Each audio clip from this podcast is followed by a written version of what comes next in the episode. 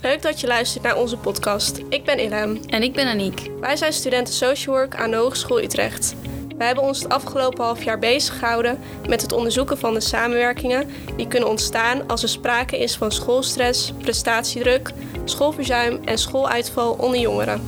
Dit hebben wij niet alleen gedaan, maar met onze leuke medestudenten Maud en Tim. Wij hebben dit onderzoek gedaan in opdracht van de regionale kenniswerkplaats Jeugd en Gezin Centraal. De regionale kenniswerkplaats Jeugd en Gezin Centraal houdt zich bezig met thema's rondom opgroeien en opvoeden van jeugdigen. Daarnaast hebben zij ook aandacht voor het versterken van de jeugdhulp voor jeugdigen en gezinnen. Een van de thema's waar de regionale kenniswerkplaats op dit moment aandacht voor heeft, is ongezonde stress en prestatiedruk onder jongeren. Ongezonde stress en prestatiedruk zijn onderwerpen die zich de afgelopen jaren in toenemende mate voordoen onder jongeren. Jongeren komen hierdoor vaker thuis te zitten. Dit heeft als gevolg dat zij ook vaker van school gaan zonder diploma. Uit ons onderzoek is naar voren gekomen dat er op scholen sprake is van een hoge werkdruk. Hierdoor kan het voorkomen dat er te weinig tijd is om onderwerpen zoals ongezonde stress en prestatiedruk te bespreken. Door middel van deze podcast willen wij deze onderwerpen onder de aandacht brengen. Dit doen we door in gesprek te gaan met een jongere en een professional. Welkom Esra, Jacqueline. Leuk dat jullie er kunnen zijn. Kunnen jullie misschien jezelf even voorstellen, Esra? Ja, nou, ik ben Esra Sievers. Ik ben 23 jaar, derdejaars uh, sportmanagement en ondernemersstudent. En daarnaast ook ervaringsdeskundige uh, met een verhaal waarin ik zelf uh, uitgevallen ben door ja, schoolstress. Ja, mijn naam is Jacqueline Bredek. Ik ben docent uh, bij Social Work uh, hier bij de Hogeschool Utrecht. Bij het profiel jeugd zit ik met name, ook wel bij de uh, IKS. En daarnaast heb ik een eigen praktijk waar ik kinderen en jongeren begeleid. Ja, nou fijn dat jullie er zijn om jullie ervaring met ons te delen.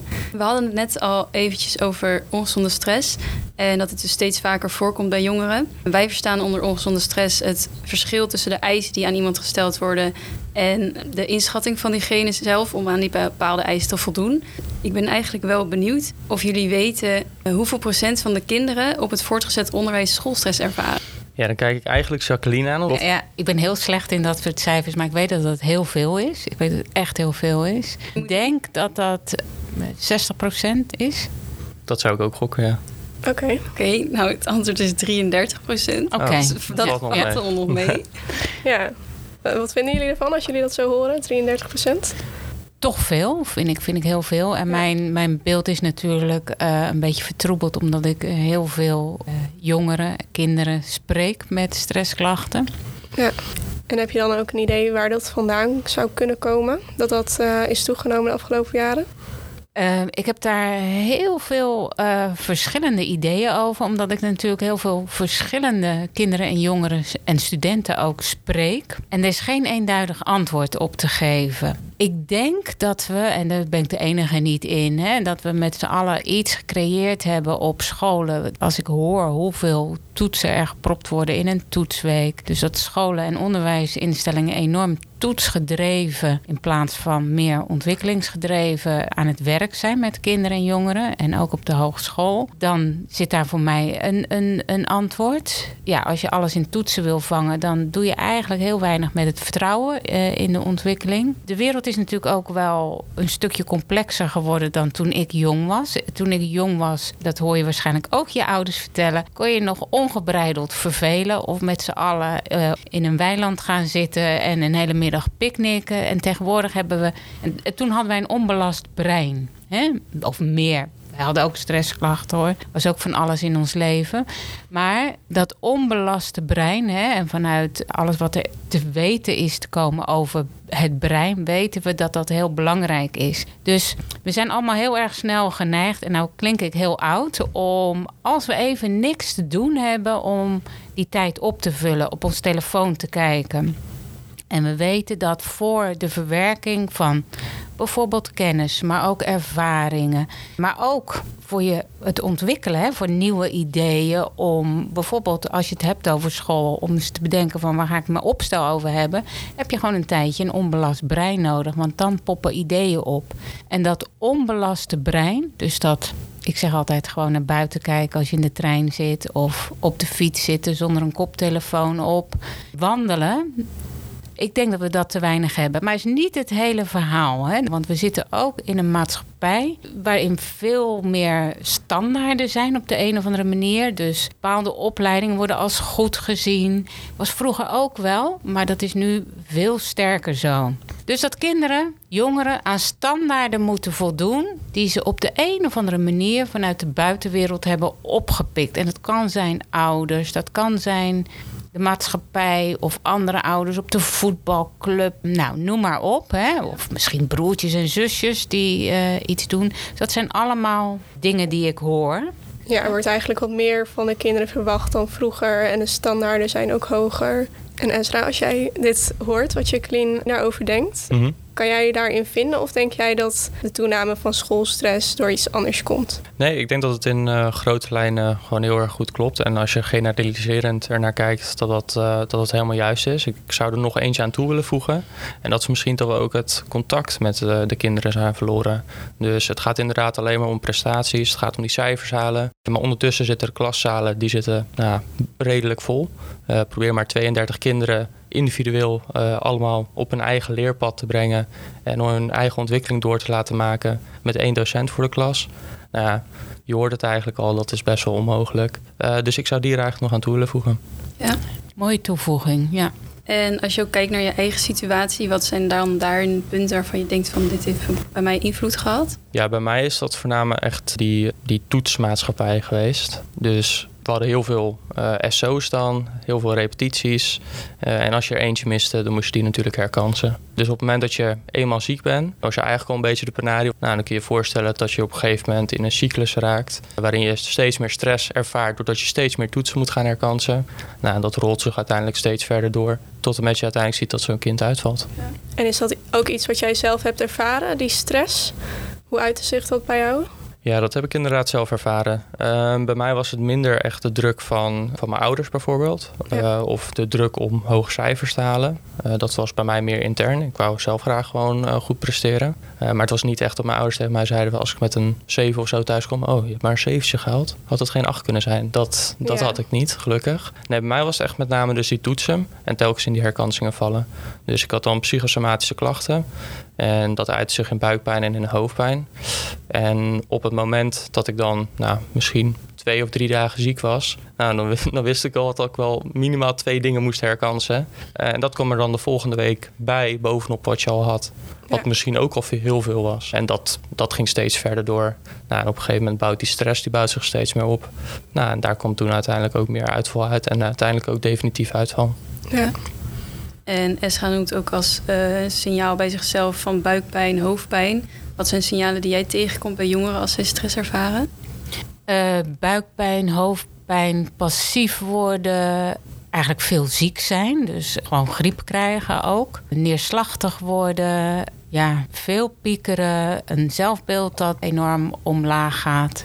En je moet je voorstellen, hij was een jongetje van 12. Ging van een, mogelijk van een veilige basisschool. Vul het even voor jou in. Naar een middelbare school. En werd daar geconfronteerd met een ongelooflijk ingewikkeld systeem van lokale verwisselen. Even als we ons verplaatsen in dat jongetje. Hè? En voor dit vak moet je dat. En je moet je agenda bijhouden. En waarschijnlijk deed jij het heel makkelijk op de basisschool. En dan moet je ineens gaan begrijpen van... oh, ik moet mijn agenda bijhouden, ik moet mijn eh, huiswerk doen. En dat is voor dat brein, voor zo'n 12-jarig jongetje... die eigenlijk nog die hele prefrontale cortex aan het ontwikkelen is... en dat plannen. Dus misschien het eigenlijk best voor elkaar kan krijgen. Maar er zitten zoveel taken bij, dus die je echt moet beheersen... waar een beroep op gedaan wordt. En die sommige kinderen al best goed kunnen. Dus dat verschil tussen die kinderen kan soms erg groot zijn. En je hebt een grote hoeveelheid aan docenten. Dus die signaleren dat ook niet zo snel. Ja.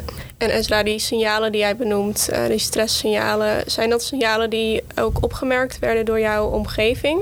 Als je kijkt naar de schoolomgeving, dan was het met name de, de ja, was dat toen, die dat opmerkte. Want ja, er is een kind gewoon heel vaak niet in de les. En dan ga je natuurlijk eerst starten met gesprekken voeren. Van hé, hey, waar, waar ligt het aan, et cetera. Ja, en als daar dan geen hele duidelijke oorzaak achter ligt op dat moment. Want ja, het zijn dan psychosomatische klachten, maar dat is heel, heel vaag. En ook voor zo'n docent is dat gewoon, ja, wat moet ik hier nou eigenlijk mee? Denk ik niet dat ze echt een idee hadden van hé, hey, uh, op deze of deze manier kunnen we dat gaan oplossen. Of misschien kunnen we hier wat taakverlichting uh, toevoegen, zodat dat wel beter gaat. Ja, dat besef was er nog niet.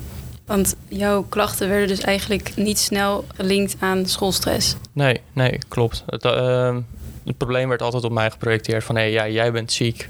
Dus het kan niet aan school liggen, maar ja, je moet wel nog al deze toetsen herkansen. Ja. En had jij zelf het idee dat je wist waar het vandaan kwam?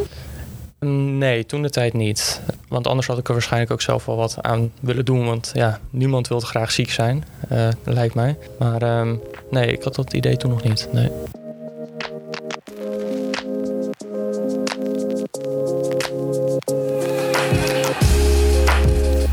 Na schoolstress is ook prestatiedruk een veel voorkomend probleem onder jongeren.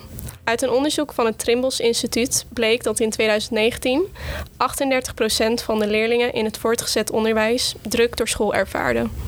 In 2007 was dit nog maar een percentage van 17%. De druk die jongeren door school ervaren is dus enorm gestegen de afgelopen jaren. Voor de druk die jongeren ervaren hebben we de term uh, prestatiedruk. Jacqueline, zou jij kunnen vertellen welke signalen je kunt linken aan prestatiedruk?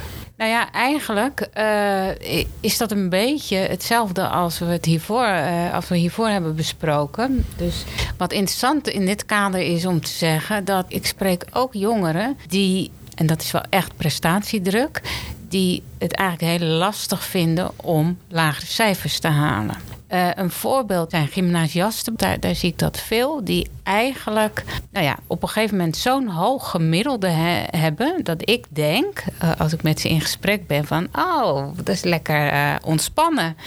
En toen vertelde een meisje aan mij, die zei van nee, dat is helemaal niet ontspannen.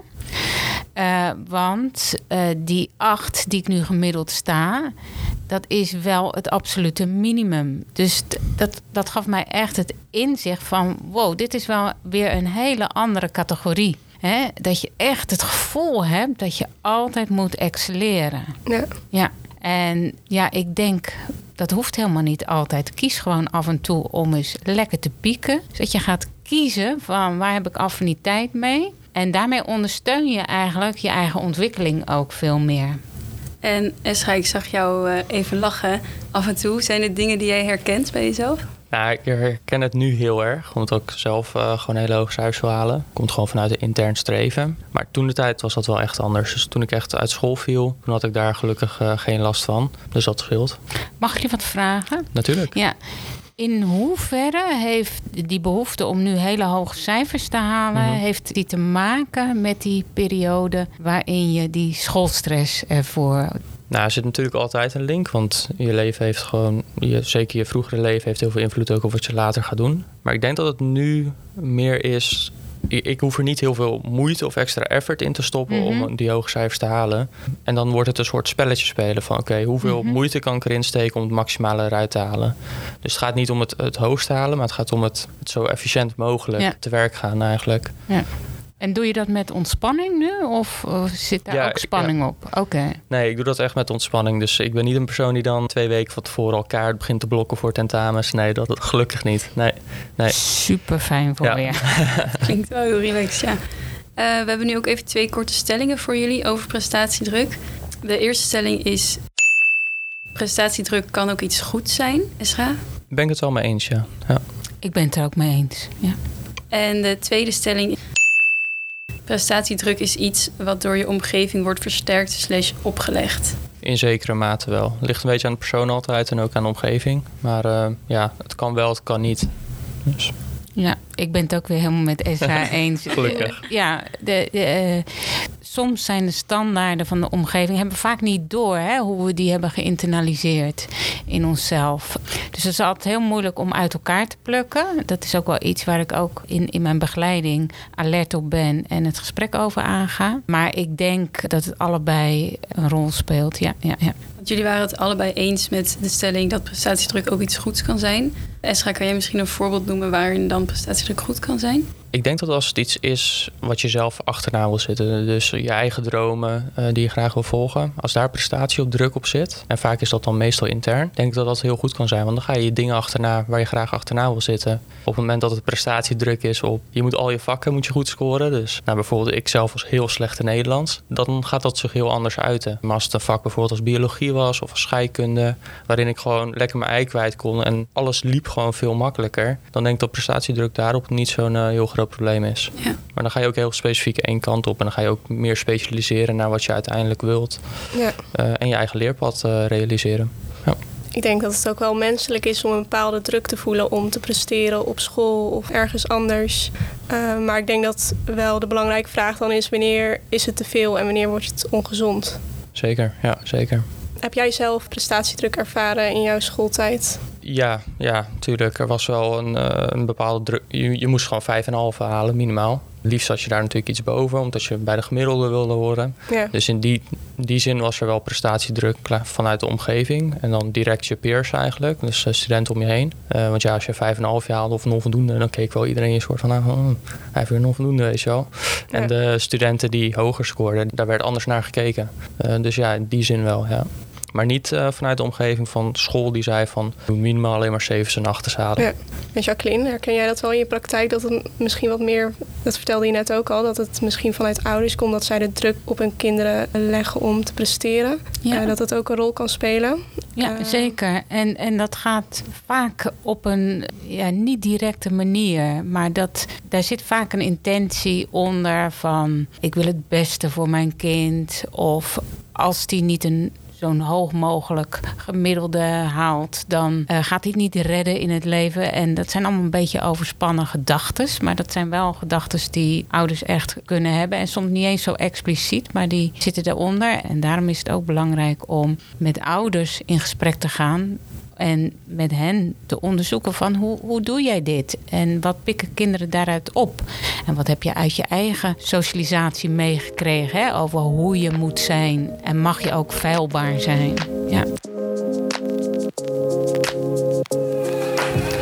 Bij schooluitval zul je misschien denken: hoe erg is het nou als je een tijdje niet naar school gaat? Lekker thuis chillen op de bank en even niet denken aan die lastige Nederlandse les of die ingewikkelde wiskundesommen. Maar niet naar school gaan nemen we een stuk serieuzer. Maar wanneer is er nou eigenlijk sprake van schooluitval?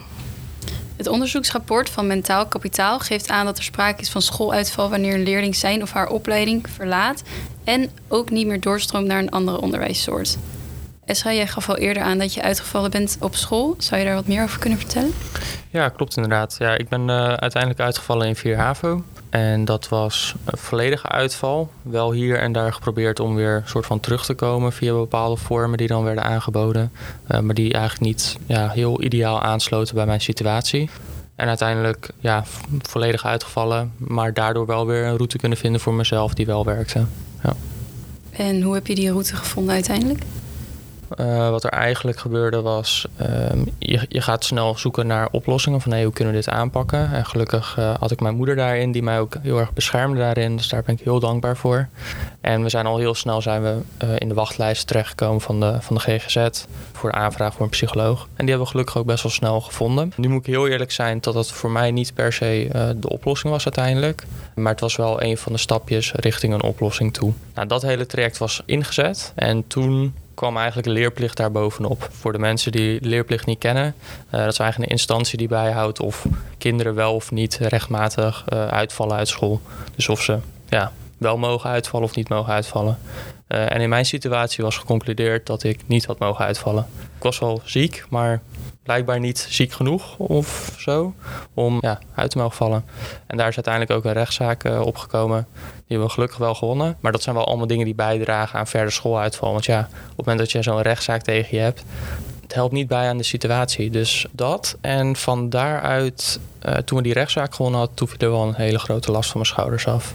Ik ben toen ook in die periode veel meer gaan sporten. Voor mij zag dat eruit dat ik gewoon vijf, zes dagen in de week ging zwemmen.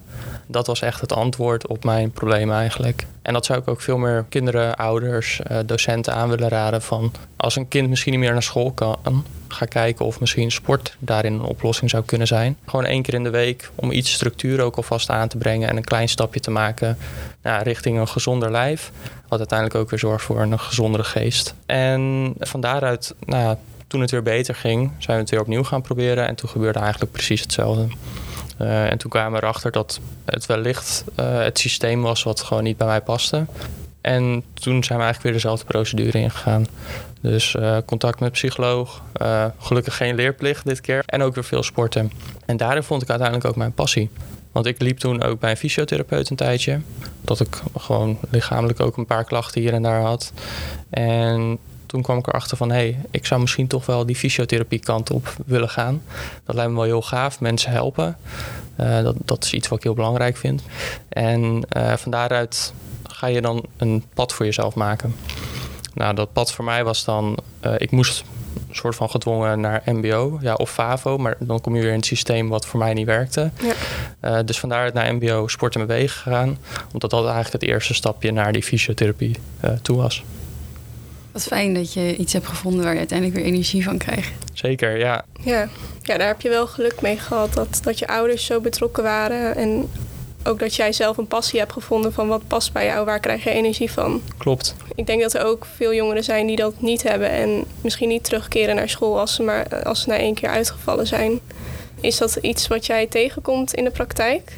Dat er ook jongeren zijn die die stap uh, moeilijk kunnen zetten om weer terug te gaan naar school? Ja, er komen allemaal verhalen in mijn hoofd weer naar boven. Dat zijn soms ook jongeren waar je dan in de begeleiding achterkomt dat ze bijvoorbeeld heel erg veel meer gamen dan ze in eerste instantie zeggen. Of jongeren die een hele schijnwereld hebben gecreëerd.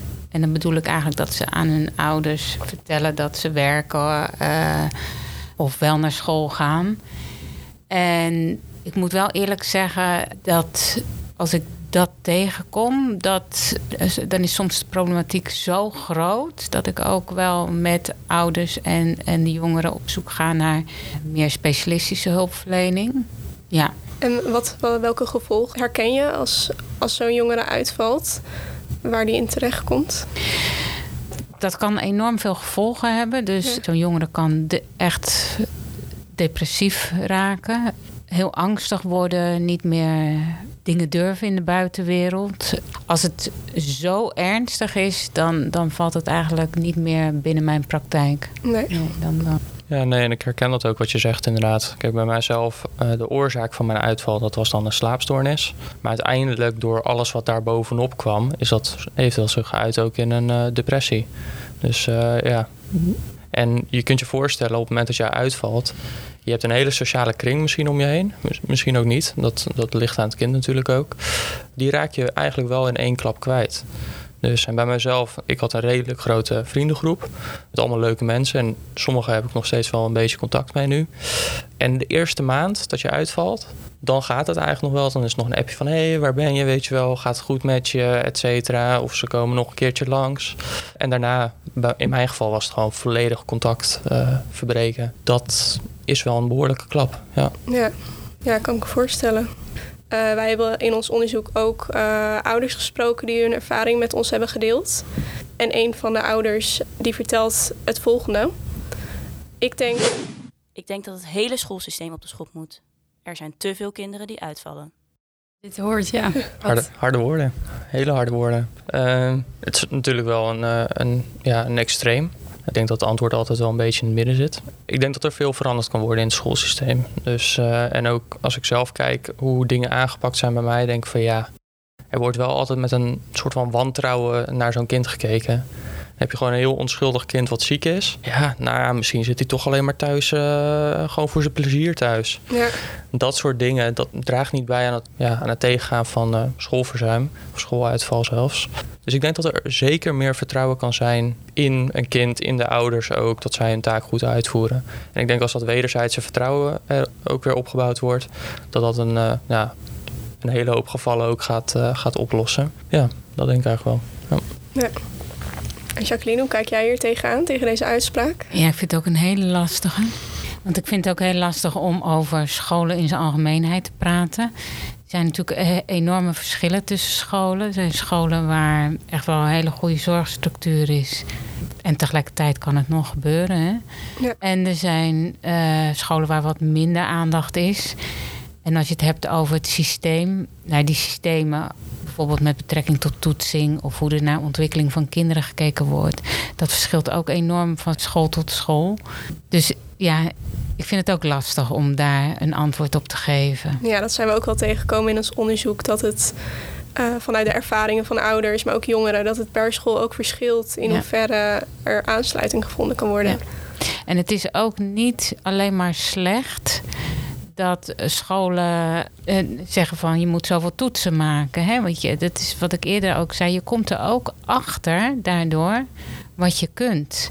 Dus eh, we moeten ook uitkijken met een systeem helemaal op de schop nemen. En, en ja, daarmee kun je kinderen ook juist iets ontnemen. Maar het, het zou wel verfijnder moeten, het systeem. En met veel meer oog voor alle kinderen en de behoeftes van die, van die kinderen die daar rondlopen. Ja. En als je zegt verfijnder, heb je dan nog een ander voorbeeld dan het vertrouwen in het kind, wat de school zou kunnen aanpassen?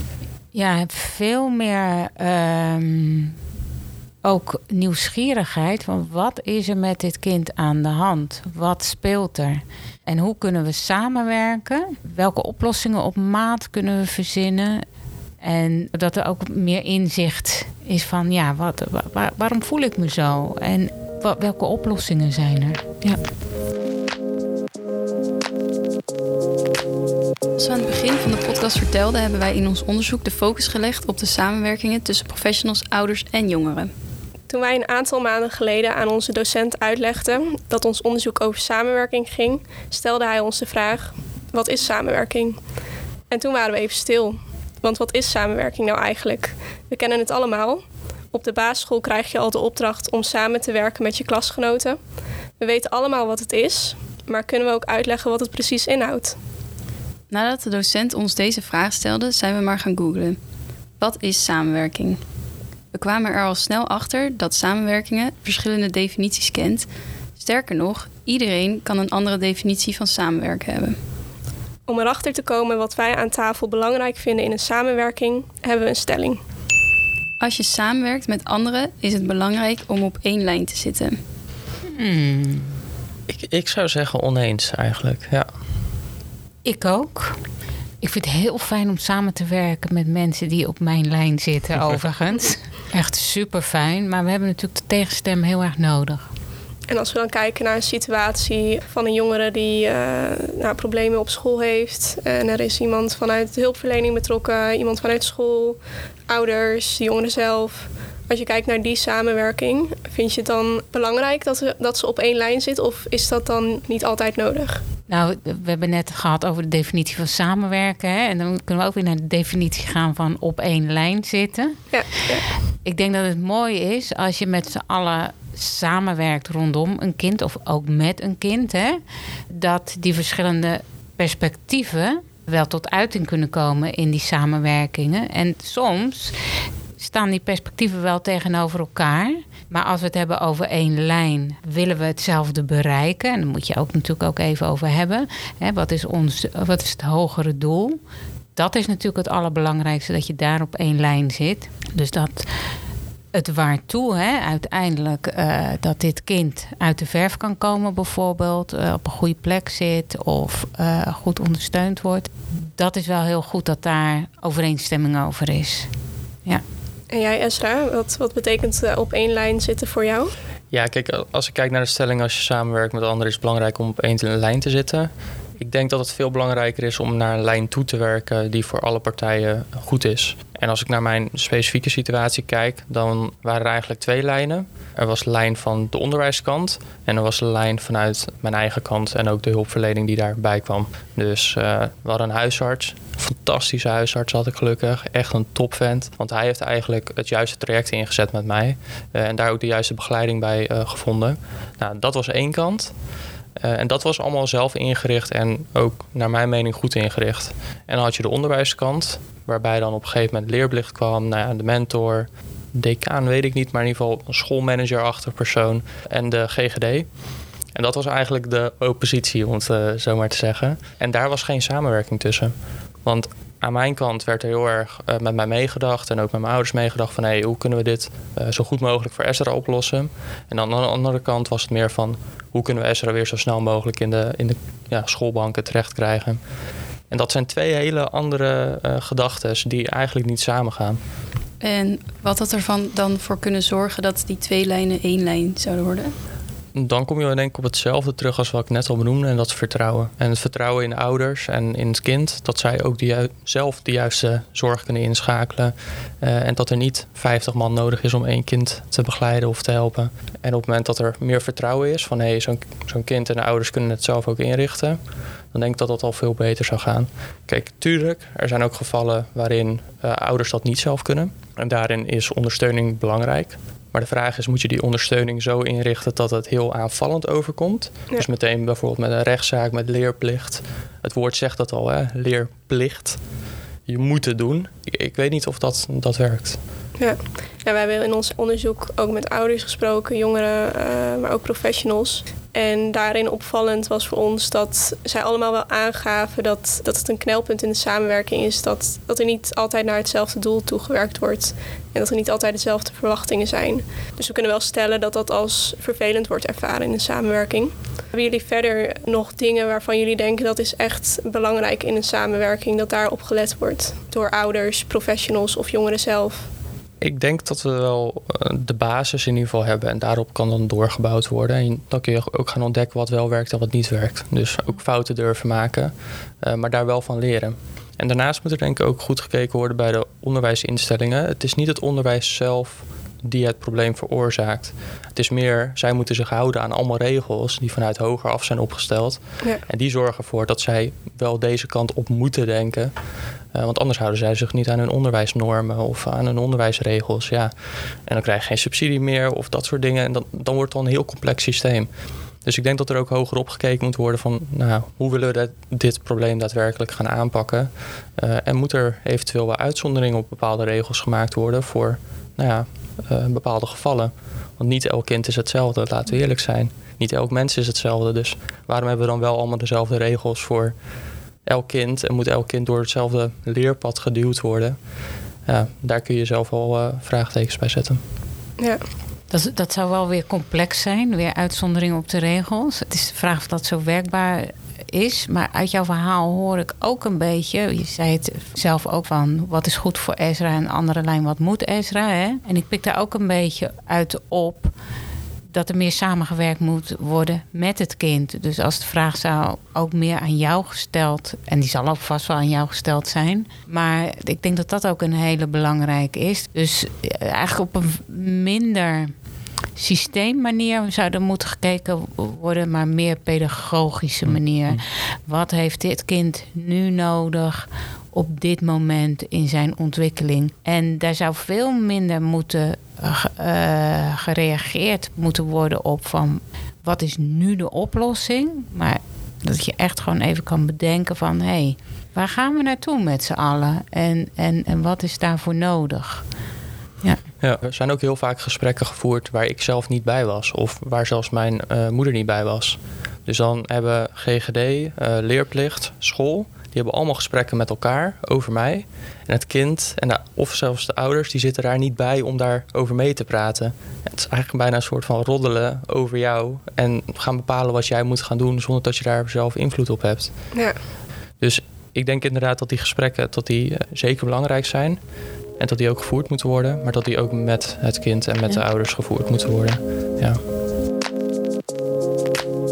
Hebben nu naar jullie ervaringen mogen luisteren. Goede ervaringen, maar ook minder goede ervaringen. Misschien hebben we ook luisteraars die te maken hebben met dit soort problematieken. Jacqueline, als een jongere last heeft van prestatiedruk of schoolstress, heb je misschien tips of tools uh, die je mee kan geven aan een jongere? Eerst uh, wil ik begrijpen met de jongeren van wat is er aan de hand? Wat speelt er? Hoe uit het zich bij je? Wat denk je? Wat voel je? Dus dat is uh, eigenlijk een tip die ik dan gelijk geef aan die jongeren. Zoek iemand op die echt gewoon naar jou kan luisteren en die dat met jou kan onderzoeken. Dat, dat kunnen je ouders zijn, misschien heb je iemand anders in je buurt. Maar, en dat is ook iets waar je echt even de tijd voor moet nemen. Maar probeer echt te onderzoeken van wat speelt er nou bij me? Want vaak ben je zo geneigd van ik wil het oplossen, oplossen en blijf je in piekergedrag zitten.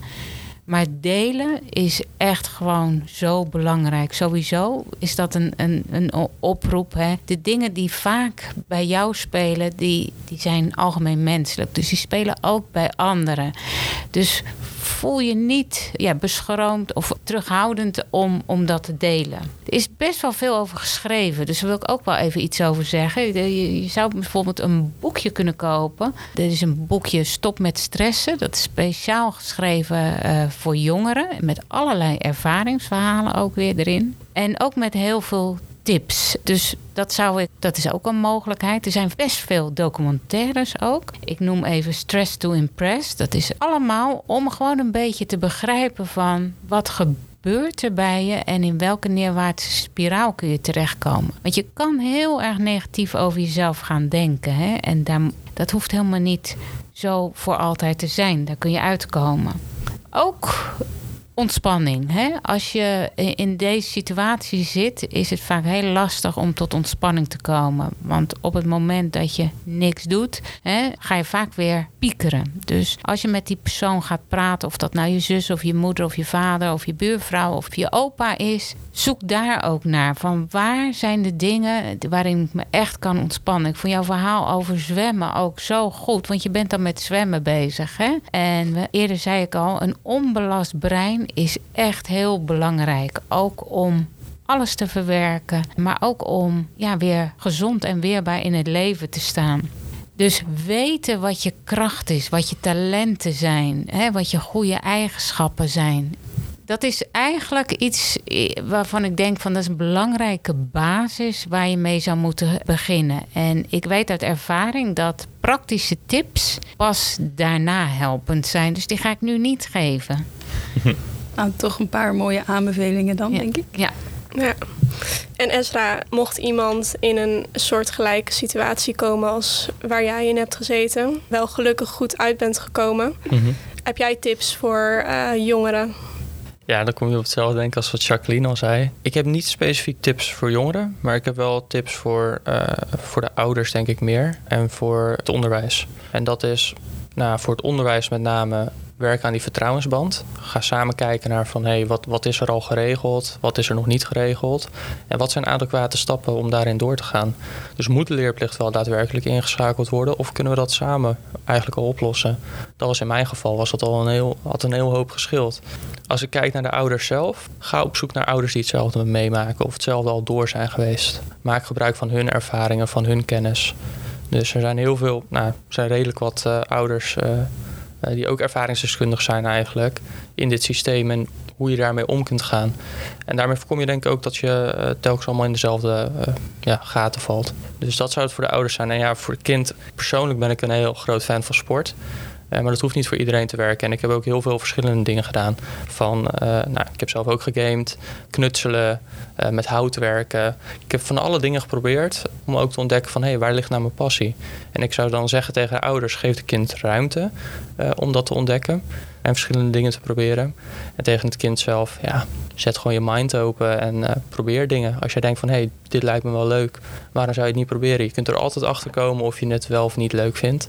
En ik zou wel willen waarschuwen, als, dan, als je voor gamen gaat, dat heb ik zelf ook gedaan was achteraf niet de beste keuze, laat ik het daarop houden. Omdat het ook weer heel veel stress uh, oplevert. Dus uh, ik zou het buiten het game zoeken, maar het kan wel alsnog op een computer zijn. Als je bijvoorbeeld coderen of zo, dat lijkt jou heel interessant. Of websites bouwen, design. Je hebt zoveel verschillende dingen die je kunt doen en zoveel leuke dingen in de wereld waar je wel plezier uit kan halen, buiten school om. Ik zou daar eerst naar kijken. En als je dan dat gevonden hebt, dat ding, nou dat was voor mij dan sport en specifiek fysiotherapie, dan kun je gaan kijken van oké, wat heb ik nodig om daar naartoe te komen waar ik naartoe wil gaan? Past daar een opleiding bij? Welke opleiding past daarbij? Dus dat zou ik, uh, zou ik meegeven. Ik heb nog twee leuke, naar aanleiding van wat jij vertelt, twee leuke dingen die mij invallen.